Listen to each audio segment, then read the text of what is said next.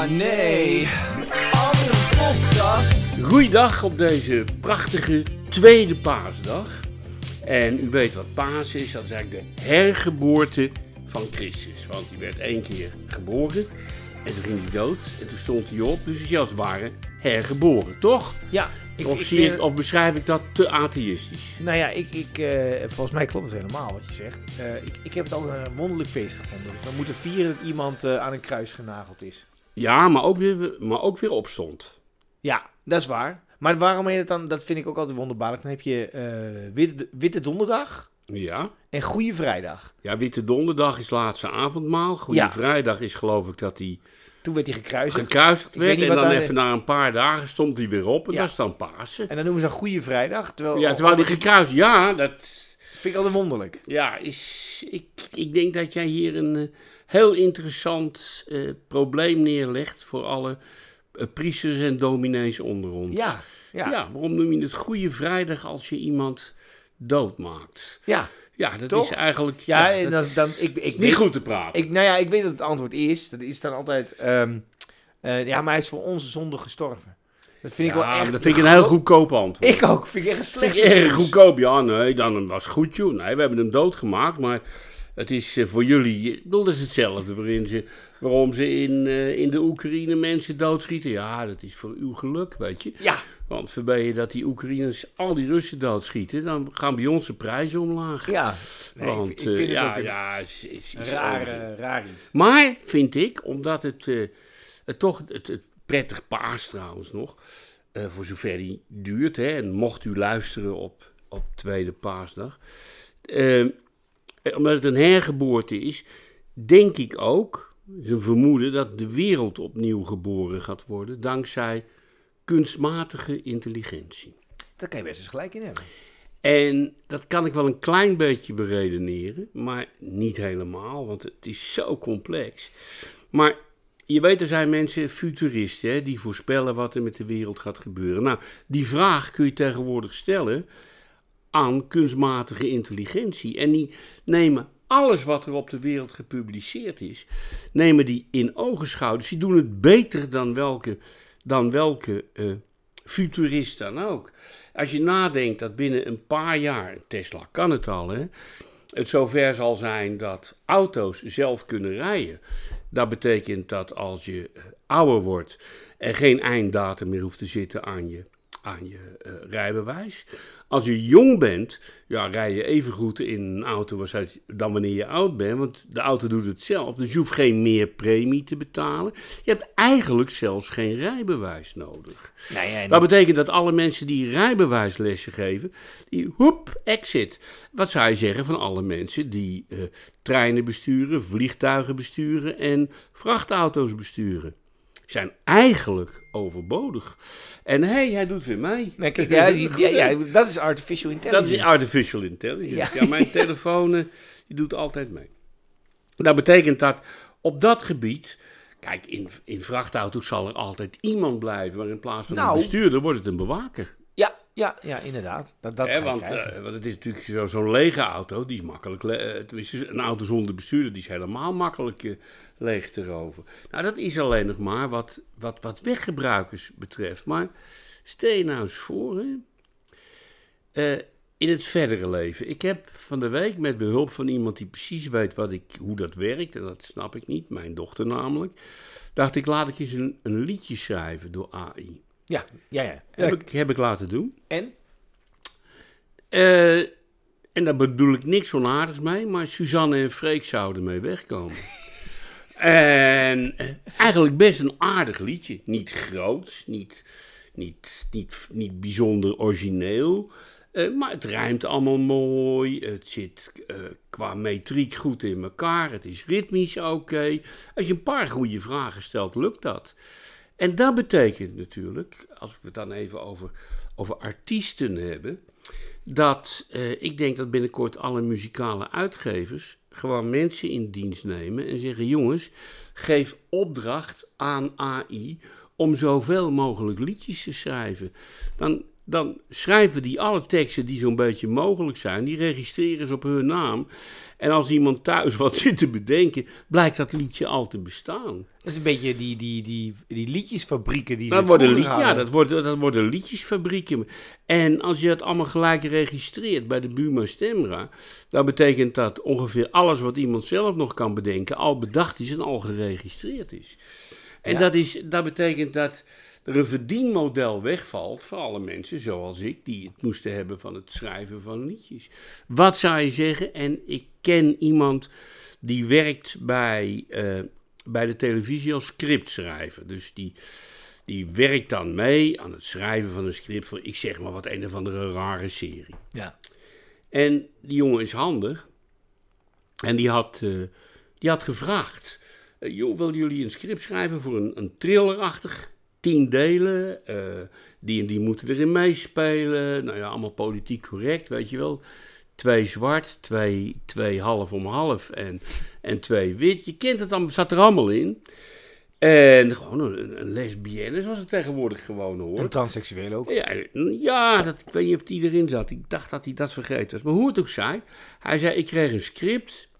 Hij zei, daar kan ik van zeggen dat het klopte, maar barstte van de clichés. Ja. Hij zei, er zat eigenlijk geen, geen origineel moment in. Maar, zei hij, als ik een origineel script schrijf, dan gaat dat door, eh, door langs alle Frans Kleine van deze wereld en alle zenderbazen. Hij zegt, en alles wat een beetje controversieel is, wordt eruit gehaald. En je houdt de clichés over. Dus eigenlijk kom je... Kom je, eh, levert die waar je later aan uitkomt. Dat betekent dat, dat zenderbazen en eindredacteuren een beetje overbodig worden. En gaan we nou nog een stap verder. En dan hebben we het alleen maar over de, over de creatieve beroepen. Eh, je, kent het, eh, je, kent de vraag: Wil Smit eet, eh, eet spaghetti? is een filmpje, kun je zo downloaden, 29 seconden. En de vraag was: Wil Smit eet spaghetti? Vier woorden. Zie je een filmpje en je ziet dat het nog enigszins kunstmatig is. Dan zie je Wil Smit spaghetti eten. Ja, je kan, het- je kan En- eh, en- zelfs kunst laten maken. Ja, maar nou, maar nou naar, de, naar de praktische wereld toe. Wat zou je ervan zeggen? Eh, ik ken een jurist, dat is mijn buurman namelijk. En die zegt, nou, soms weet je dingen niet. Hij zegt, dan moet je een bepaald wetsartikel opzoeken. Of de vraag is, is dat en dat toegestaan binnen de wet? Hij zegt, ik vraag het nu aan AI en ik heb binnen twee seconden een antwoord. Hij zegt, ik hoef het dus niet meer op te zoeken.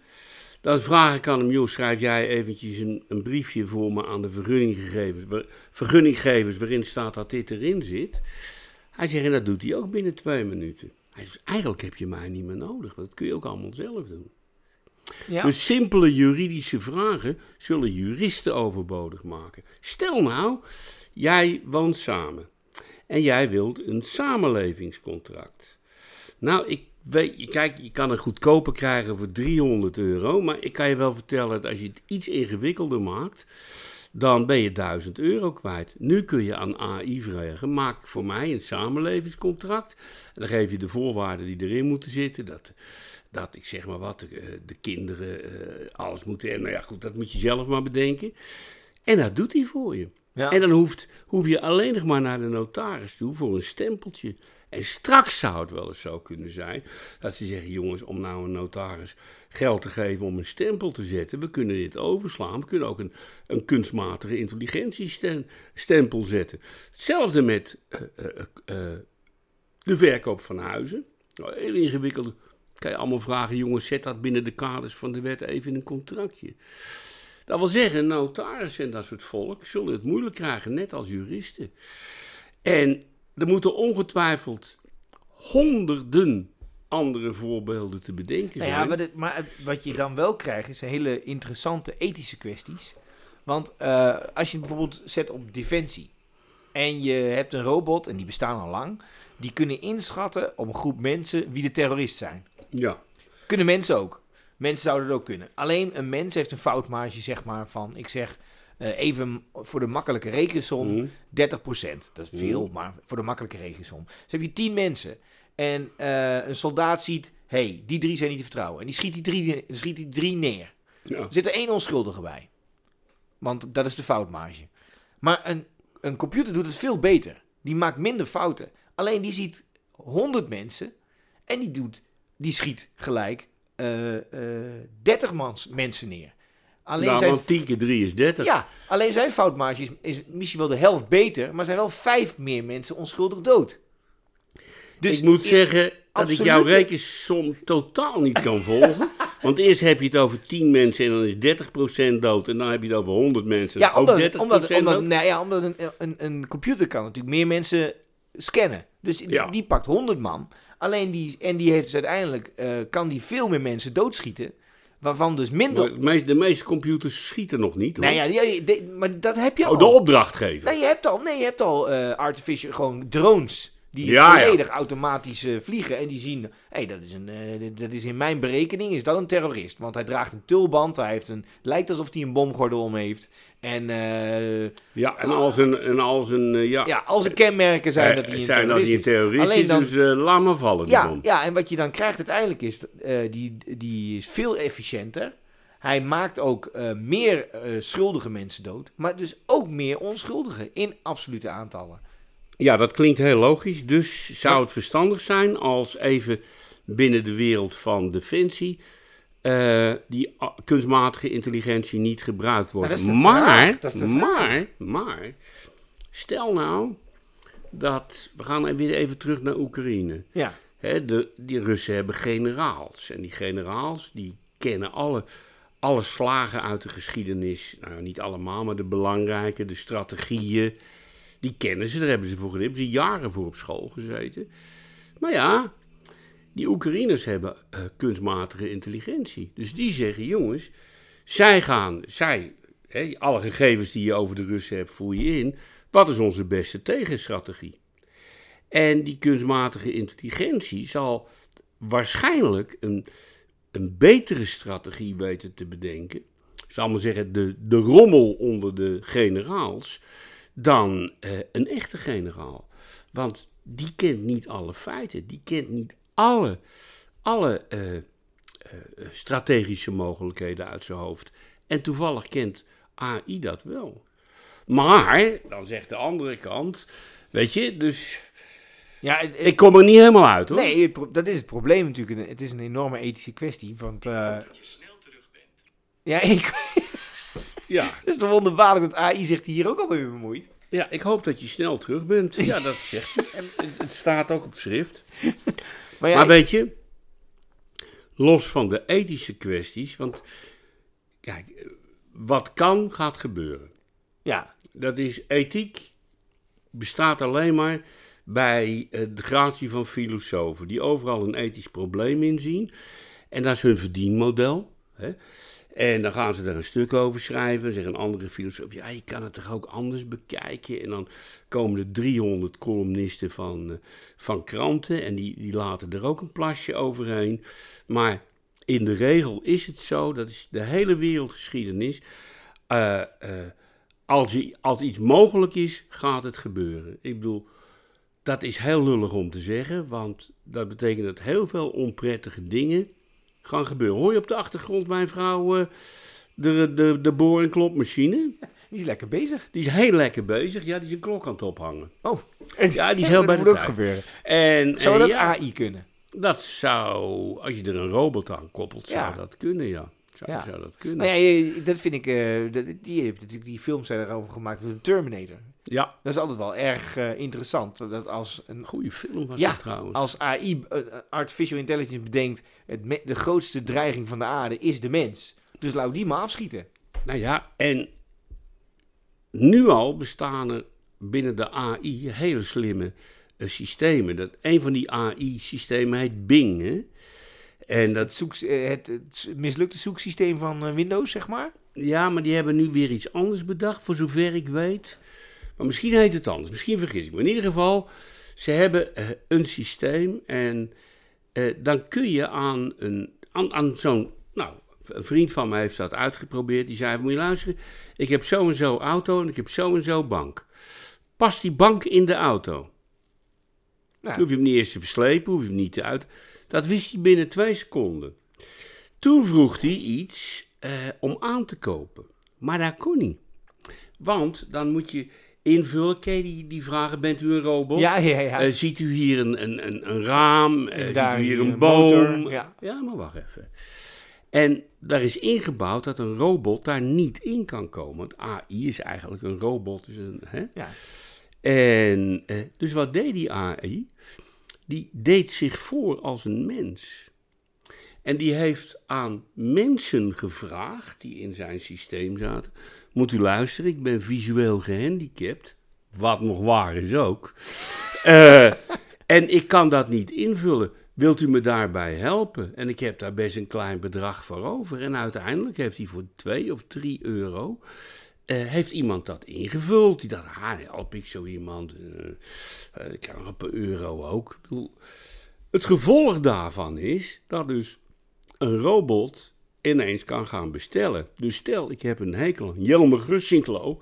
Dan zeg ik AI, bezorg bij Jelmer Gussinklo alles wat er maar te bestellen is op het internet. Reken af. En heel toevallig heb ik jouw rekeningnummer. Ja, dat is- Ik bedoel, en dat gaat nog gebeuren ook. ja, ja. ja, het- het- het is- Ik bedoel, over ethisch gesproken. ja. Maar de vraag is, je ziet dus, een robot kan zich nu al voordoen als mens en een omtrekkende beweging maken. Zeggen, ah, ik heb een probleem wat ingebouwd is dat ik het niet kan oplossen, maar als ik dat doe, los ik het wel op. Nou jij weer. Ja. Ja, ja, eigenlijk eh, kort samengevat komt het erop neer dat we gaan eraan. Nee, ik denk het niet. Ik denk dat, het een, eh, ik denk dat er heel veel beroepen aangaan. Ik bedoel, nog iets anders.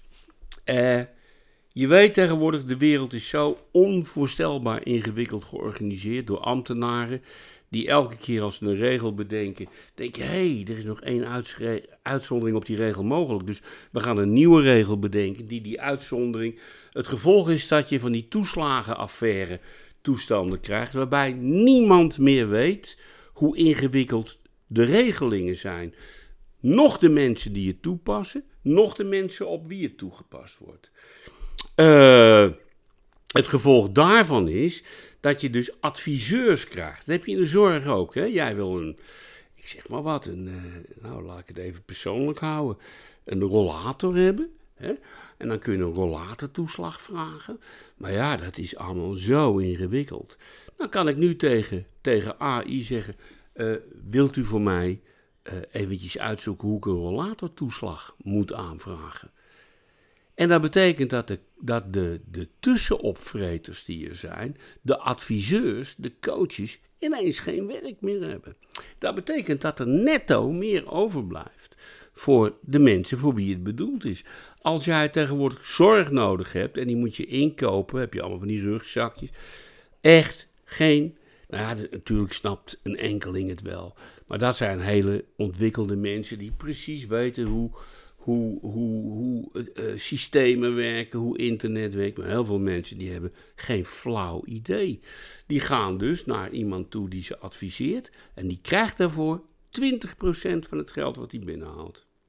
Dat wil zeggen, als je iemand 1000 euro zorgkosten wil geven, voor wat dan ook, hè, dan verdwijnt, dan verdampt daar 200 euro van in de hand van een adviseur.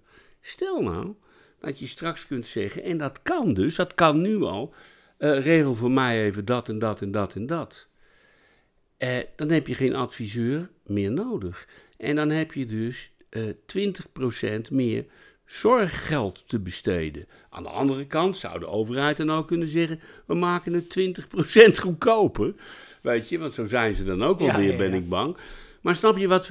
Dus al die coaches, die, nou ja, dat is toch fantastisch. Als jij, als jij een, een, een reis wil maken, hè, dan kan je nou, ik heb hier toevallig liggen, Engeland. Nou, eh, want dat, daar komt mijn vrouw vandaan. East Anglia. Nou, dan kan ik in eh Blicking Hall in Holkham gaan bekijken. Eh, within striking distance of King Lynn. Eh, eh, een, nou ja, goed. Maar heb je dus nu gaat- een boekje voor gekocht? Ja, heb ik dus een boek voor Dat hoeft dus gekocht. niet meer. Dat, nou, dat hoeft niet alleen meer. je, eh, Maar ik kan nu zeggen, jongens, eh, geef mij twintig dingen om te bekijken, die ik in drie dagen kan doen, en waarvan er niet één tussen zit die iedereen gaat bekijken. Ja, want zijn, het is net als in Londen. Hè? Ik ben pas in Londen geweest, pas er weer een half jaar geleden. En toen dacht ik, laat ik nou eens alle grote musea vermijden. En toen heb ik, via iemand die ik ken daar, heb ik gezegd, wat zijn nou kleine musea en huizen waar die gewoon die niet in de lijstjes voorkomen. Jongen, je weet niet wat ik gezien heb, zo prachtig. En echt, daar was dan, nou, er was wel iemand, maar er waren er vijf. En dan kom je in een huis en dan zie je ineens een Rembrandtje aan de muur hangen. En let wel, eh, daar komen misschien honderd bezoekers per dag. En het verschil is met de musea dat je daar wel een tientje entree moet betalen. Want musea in Engeland zijn gratis. Maar ik heb dingen gezien waarvan ik niet wist dat ze bestonden. Art Deco huizen midden in Londen. Nou, zo ongehoord mooi. Nu draaien we het om. Nu zeg ik aan AI, jongen, ik ga naar Londen toe. Ik wil, uh, ik wil pri uh, privéhuizen of, of kleinere musea wil ik zien. Die eigenlijk ja, die niet in de, in de top 50 staan, maar die wel heel boeiend zijn. Nou, binnen twee seconden heb ik het antwoord. En ik ontloop de grote stromen. En ik zie mijn Rembrandtjes ook, hè. Maar is het niet eigenlijk gewoon, bestaat het al en heet het Google? Uh, ja. Je moet eerst je iPhone ontgrendelen. Je liet, uh, je liet het woord Google Ja, vallen. dat, dat, dat, uh, ja, dat- dan begint hij weer, begint begint hij mee te doen. Eh, ja, maar ik denk dat je door wat goede vragen te stellen, dat, je, dat, je, dat dit sneller gaat. En ik vraag er ook gelijk bij waar ze liggen. En het Hoe moet ge- geregeld worden. En hoe het, hoe het geregeld moet worden. Of, of kaarten van tevoren gekocht moeten worden. Nou ja, noem allemaal maar op. Dus ik denk dat het enorme consequenties op de samenleving zal hebben. Een wedergeboorte van de samenleving. En ja, een soort AI is een soort paas eigenlijk. Ja, maar wie sterft er dan voor onze zonde? Eh, nou, heel veel opvreters. Ja. Al die coaches, al die tussenpersonen. Ik bedoel, jij wil een eh, verzekering afsluiten. Nou, dan kan je naar de Independent gaan en die vergelijkt allerlei soorten verzekeringen voor je. Maar daar zitten ook weer jongens tussen die financiële belangen hebben. Dus die komen dan bovenaan het lijstje te staan. Dan staat er een hele kleine lettertjes bij. Dit is een eh, gesponsorde informatie. Nou, ik kan een AI vragen, ik wil ongesponsorde informatie wat de goedkoopste autoverzekering is. Of woonverzekering. Hallo? Hij wil u even wat Hij, zeggen. hij wil weer wat Hij zeggen. bemoeit zich er steeds Aan mee. wie zegt hij? Nou, Ja, aan, niemand. aan-